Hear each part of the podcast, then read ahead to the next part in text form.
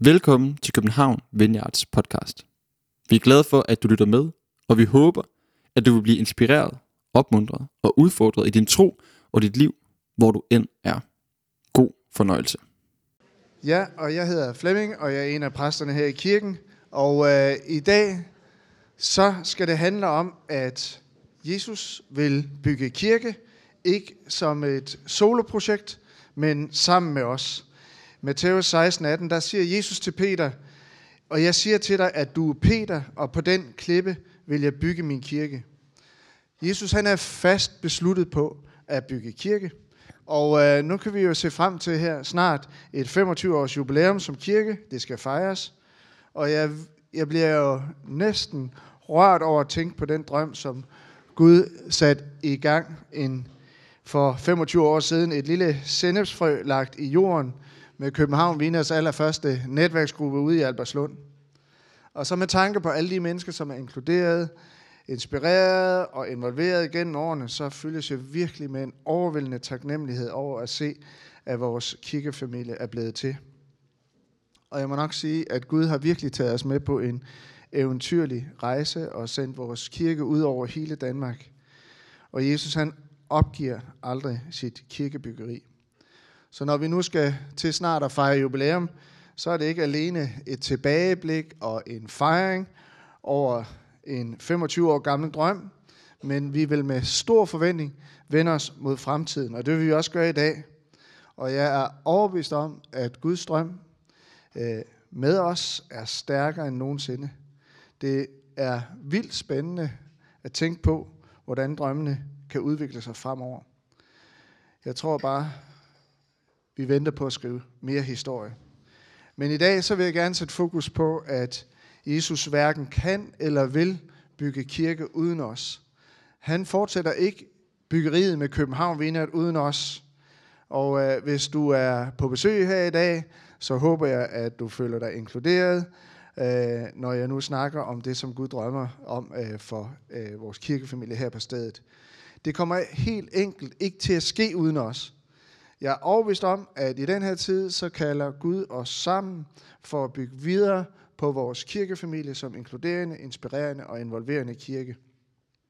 Og i de 32 år, jeg nu har været præst, så oplever jeg kaldet til at bygge kirke aldrig har været så tydelig som nu. Og jeg har i dag fået en, en øh, synes jeg, en fantastisk tekst på hjerte fra Esra 3, jeg kommer ind på om lidt. Men faktisk den her tekst, øh, som ung præst, så har jeg holdt den samme prædiken eller tale i alt 11 gange på et år over den her tekst, og ikke i den samme kirke. Men, øh, og jeg kan overhovedet ikke huske talen, men jeg kan huske, at jeg dengang, det eneste jeg kan huske, det er, at dengang, der fik jeg et syn af, af en kirke, et billede af en kirke, som var en ruin. Væggene, de var brudt ned, og der manglede vinduer.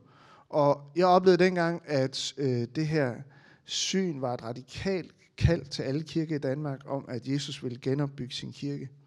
Øh, hvilket jeg dengang prædikede i mange kirker og har investeret mit liv i lige siden. Og det var samtidig med, at der var en fornyelsesbølge over kirken, over mange steder i verden. Så øh, det var en øh, fantastisk tid. Og i dag,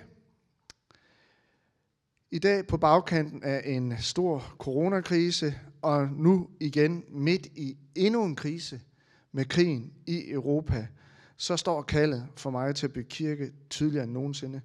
Danskere, vi er fyldt med frygt for fremtiden, præget af stress og ensomheden er overvældende. Knap 400.000 danskere lider af angst. 472.000 danskere lider af ensomhed og 430.000 har alvorlige og daglige symptomer på stress i vores samfund.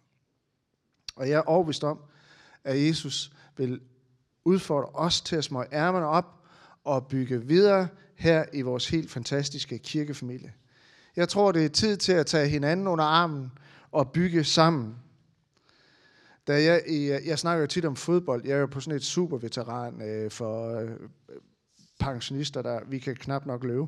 Øh, og jeg vender tit tilbage til mit fodboldhold, som Øh, da jeg i august her overvejede at stoppe, så satte de ligesom alt ind på, at jeg bare skulle fortsætte. altså sms'er og kom nu, det er vigtigt, du er her. Og det var enormt inkluderende. Og for et øjeblik, så troede jeg også virkelig, de kunne lide mig. Men måske er vi lidt forsigtige med at invitere hinanden i kirke på den måde. Men det er bare så opmuntrende, når vi med begejstring og forventning tager hinanden under armen. Ikke mindst i den her tid, hvor der er alt for meget angst, depression og stress.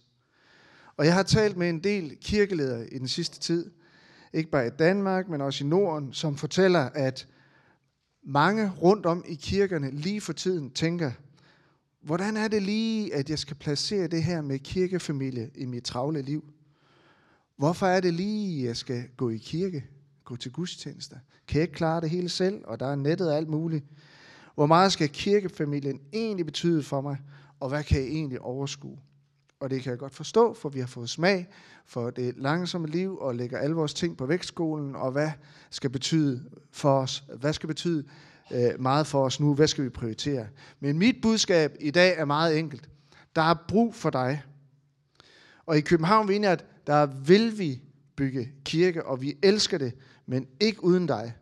Så min opmuntring det er, lad os betyde mere for hinanden. Jeg elsker vores kirkefamilie. Jeg elsker, når vi byder hinanden velkommen, når vi spørger ind til hinanden, selvom det er i forbifarten. Jeg elsker, at vi kan være der for hinanden, når det brænder på. Jeg elsker at se børnene vokse op. Jeg elsker, at vi mødes på tværs af generationer. Jeg elsker, at vi her er sammen om at plante nye kirker. Jeg elsker nu, når vi kommer sammen her i tilbedelse og oplever, at Gud møder os med sit nærvær, øh, der giver os en oplevelse af, at det er ligesom om alt sættes i det rigtige lys igen, at bekymringer de lindres, og uro erstattes med fred. Jeg, op, jeg elsker den her opfølelse, den øh, oplevelse af, følelse af, at når jeg kommer ind i gudstjenesten, og hvis der virkelig har været nogle ting, som har udfordret øh, os i det private, at så bliver man på en eller anden måde, jeg ved ikke, hvordan jeg skal beskrive det, men på en eller anden måde bliver man normaliseret igen, når jeg træder ind ad døren. Det er sådan en oplevelse af, at alting, det falder jo på plads igen. Vi er jo sammen. Der, der er, fordi i, i kirkefamilien her, der møder jeg en anden virkelighed, som jeg tror på er den rigtige virkelighed, hvor vi sættes fri fra bekymringer, eller de kommer i det rigtige lys for stress og for angst. Og jeg elsker, at der er altid nogen, man kan dele sine bekymringer og udfordringer med. Jeg elsker, at vi kan gribe hinanden i forbønden. Jeg elsker, når jeg ser gamle venner mødes og lægge en arm om hinandens skulder. Han er her ikke i dag, men øh, der er en, jeg vokser, en, en, en ven, en rigtig god ven, jeg har, som er barndomsven øh, øh, i samme kirke. Og han var her en dag, og så kom der tilfældigvis en anden ind fra min barndomskirke i kørestol, og jeg kunne bare se under kaffepausen, at han, de stod sådan med armen om hinanden. Det rørte mig dybt. Elsker, når jeg ser, at vi lægger en arm om hinandens skulder. Jeg elsker at mødes i netværksgruppen og følge med i hinandens liv, og samtidig vide, at der er nogen, der følger med i Annes og min kone Anne og mit liv. Og jeg elsker, at vi er så forskellige, og at vi samtidig er et i Jesus. Jeg elsker humoren, jeg elsker alvoren, jeg elsker støtten, jeg elsker håbet, jeg elsker samtalerne over kaffen, som altid er for korte. Og jeg elsker, at vi er sammen om de vildeste drømme for København Vineyard og for, eller for København. Det er derfor, vi er her. Vi er for Københavns skyld og for Danmark. Jeg elsker at tænke på, at ud af den her vidunderlige kirkefamilie, så er der vokset yderligere seks andre kirkefamilier frem, øh, fra Aalborg til Rønne. Jeg elsker, at drømmene, vi er sammen om, det er ikke bare er tomme fantasier, men at vi sammen, at vi sammen øh, giver risikerende drømmeben at gå på. Og den historie, jeg skal tale om i dag, jeg tror ikke, der er så mange teologisk besvindelighed i det, men den handler så meget om, hvad jeg fortsat længes efter, måske med os som kirkefamilie. Og så vil jeg lige afsløre øh, pointen med det samme. Det er, med os og med Guds nærvær i centrum, så elsker Jesus at bygge sin kirke. Lige lidt om øh, historiens kontekst, før vi læser den. Kort fortalt, så handler Israels historie i Bibelen om et elsket folk, der ikke gengælder Guds trofaste kærlighed. Konstant så byttede de Gud ud med deres afguder, som på mange måder kan sammenlignes med nutidens afguder. Øh, vi kaster vores tillid på vores egen formåen, kraft, styrke, og vi dyrker forbruget. Og ligesom vi, så druknede Israel i et væld af muligheder, oplevelser og overdrevet forbrug. Vi er i nogen henseender, mener jeg, mere diskrete, mens Israel de gik et skridt videre. De afholdt ekstatiske orgier i deres offerlunde. De foretog øh, religiøse menneskeoffringer. Uh, jeg ved ikke, om der er børn herinde, men they slaughtered their own kids. Og de var i konstant søgen efter nye afguder. Og profeten Esajas siger, Gud siger igennem ham, I er udmattet af at søge, men I giver alligevel ikke op. Tanken om nye afguder giver jer styrke til at fortsætte. Så Israel, de havde bare reduceret øh, Gud til sådan en kosmisk øh, butler, der helst skulle efterkomme deres mindste ønske, og når han ikke gjorde det, så søgte de bare til afguderne. De søgte febrilsk efter afguderne med endnu større intensitet, og de var ude af stand til at stoppe sig selv. Der var ingen bremser. Men, den her, øh, men det er mærkværdigt, at evnen til at tilbede, den mistede Israel aldrig.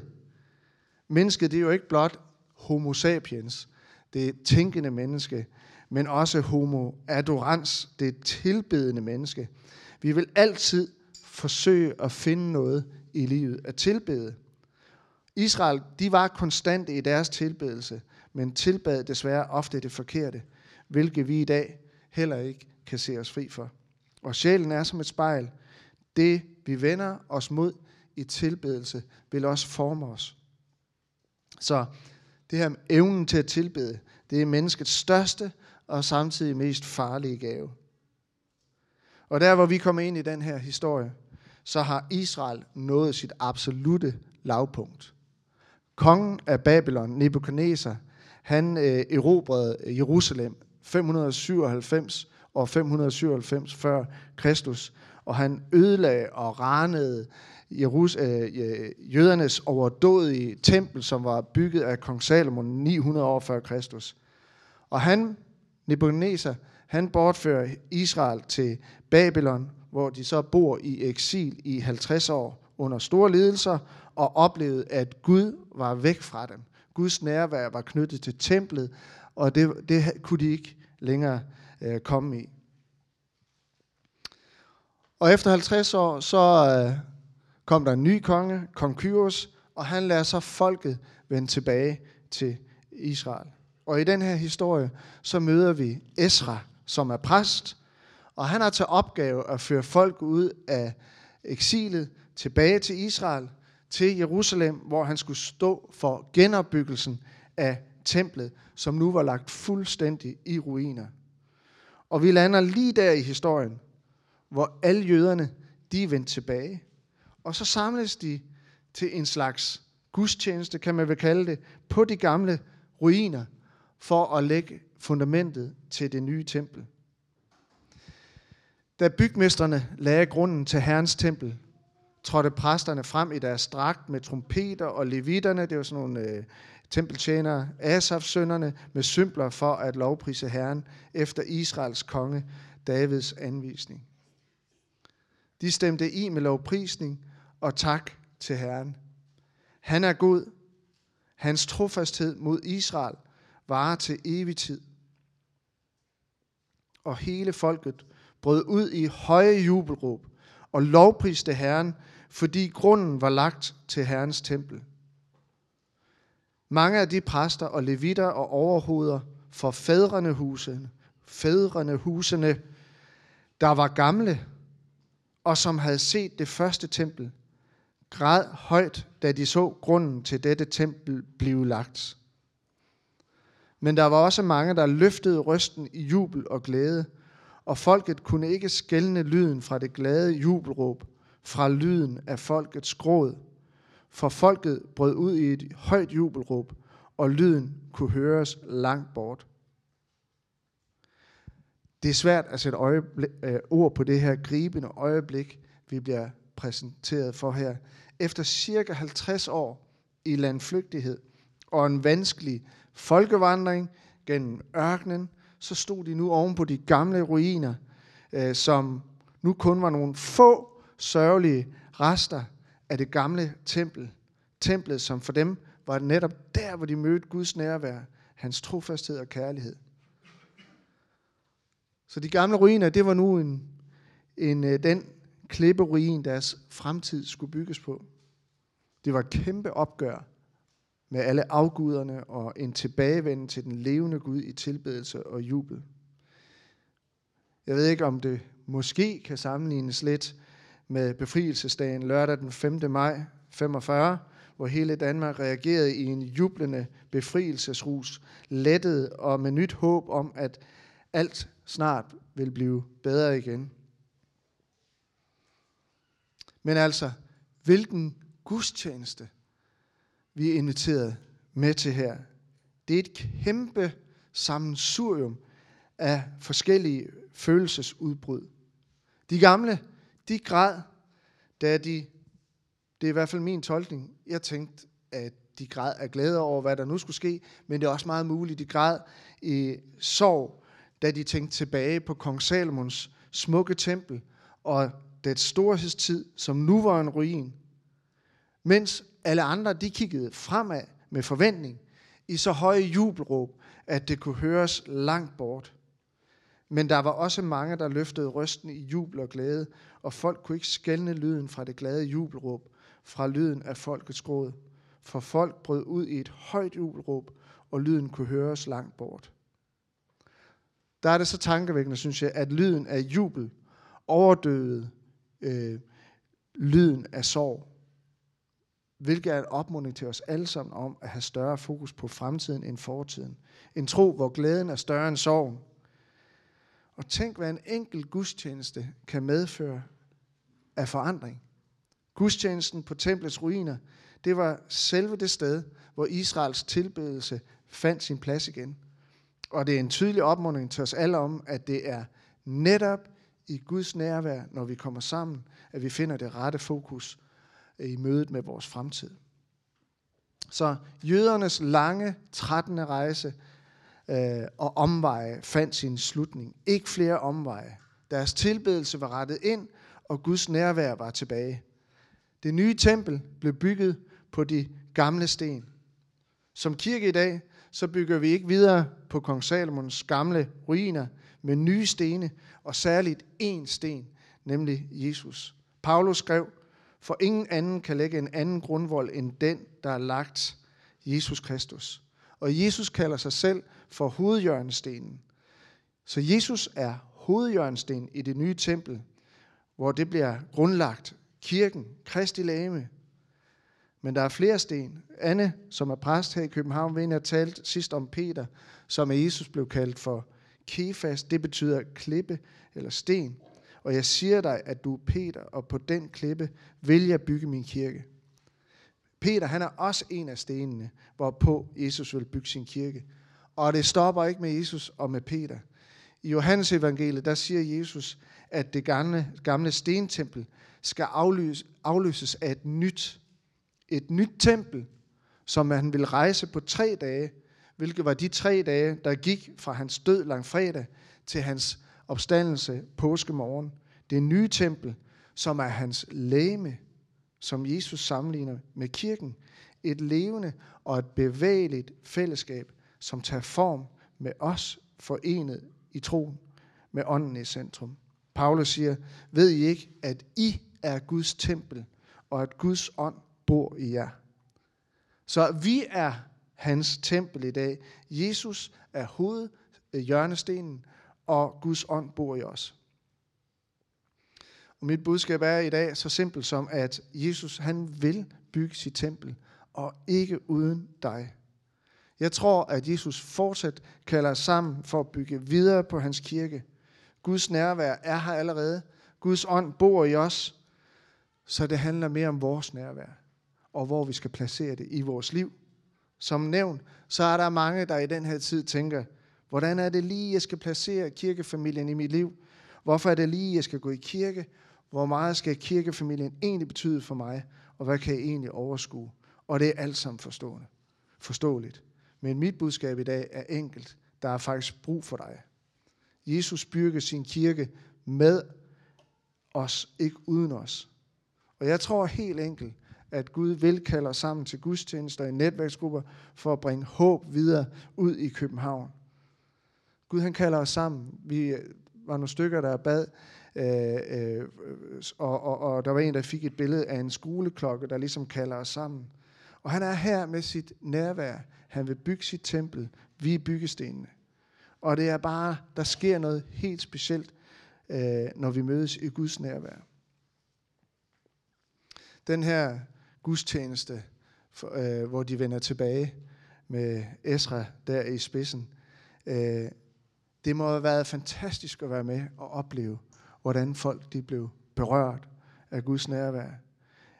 Jeg kom til at tænke på en gang for øh, nogle år siden, en del år siden, hvor jeg oplevede Guds nærvær selv personligt, som, aldrig, som jeg aldrig har oplevet det før. En helt særlig gudstjeneste. Jeg var på besøg i England, og øh, vi, øh, jeg og en kammerat øh, tog ud i en forstadskirke, og jeg kan ikke huske, hvad det var for en kirke. Det var en kæmpe kirke, og den var lang, og der var balkon rundt omkring. Og vi kom for sent. Og øh, da vi trådte ind ad døren, vi gik oven på balkongen, fordi der var ikke plads nedenunder. Der var måske en 300-400 mennesker samlet i den kirke. Og det var virkelig mærkelig øh, gudstjeneste, synes jeg. Der var ikke nogen prædiken. Der var ikke nogen salmer eller lovsang. Der var ikke nogen, der sagde noget. De sad der bare. Og øh, altså, det er en kristen kirke. Det var ikke tvivl om. Men der, der, der var stillhed.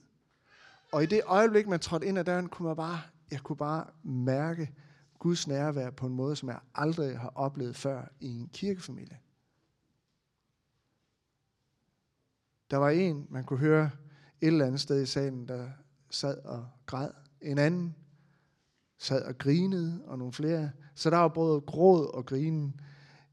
Jeg ved ikke, om jeg skal sammenligne det her med fra gudstjenesten med Esra på samme måde. Men det var noget helt særligt, og da jeg gik derfra, så var jeg virkelig forvandlet. Kan det virkelig være sådan? Altså, det var så håndgribeligt at opleve Guds nærvær på den måde. Og det er det, kirken den opbygges af. Det er Guds nærvær. Og ikke uden os. Og min bøn, det er, at vi alle sammen må stå sammen.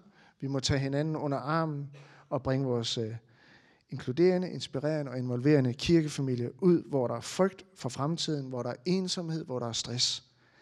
Vi har så meget at give videre. Vi har noget helt særligt at byde på, nemlig Guds forvandlende nærvær.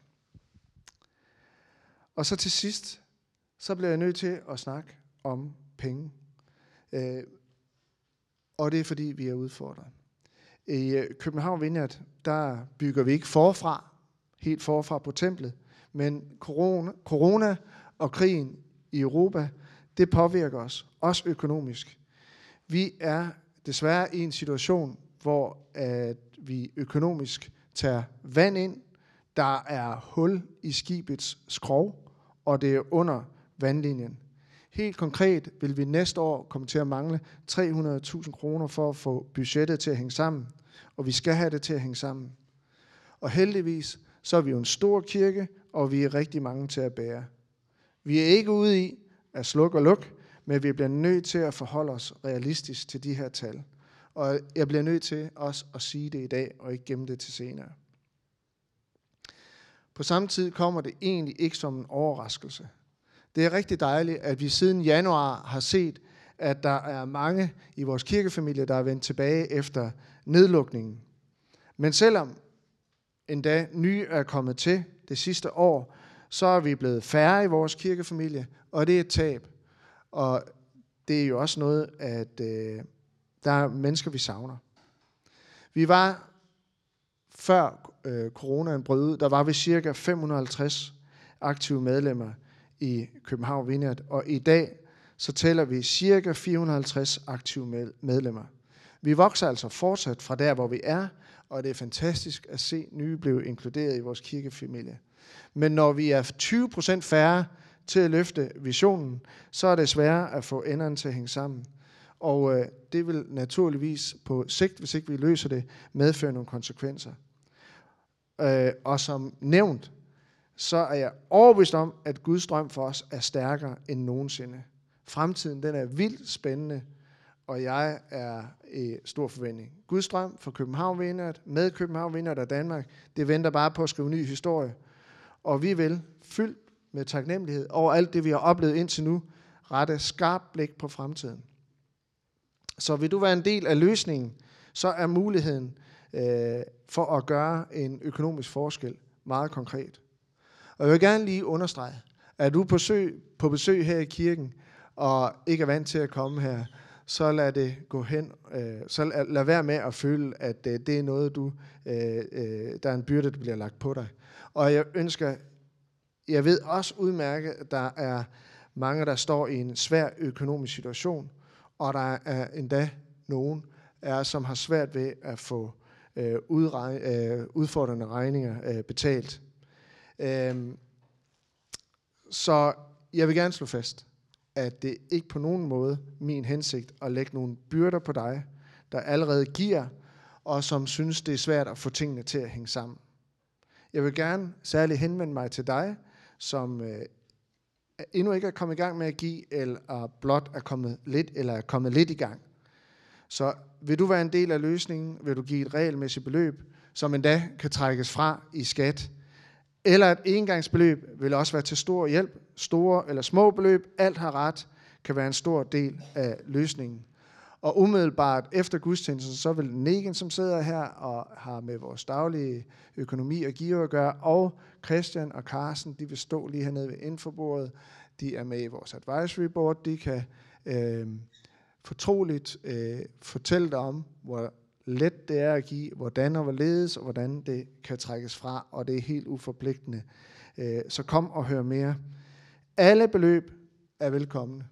København Vindert har altid været en generøs kirke, og vi har flere gange stået i en vanskelig situation. Og øh, nu rammer samfundskrisen, kriserne, altså også øh, os øh, på vores drømme. Men øh, heldigvis skal vi stå sammen og være en del af løsningen på den måde. Og tak til alle, der giver, og tak til alle, der beder. Det var bare en mærkelig slutning på en søndagstale. Men jeg tror virkelig på, at vi har så meget foran os. Og jeg tror ikke, at det er så svært, når det drejer sig om, hvordan vi skal bringe håb og glæde videre i vores by og vores land.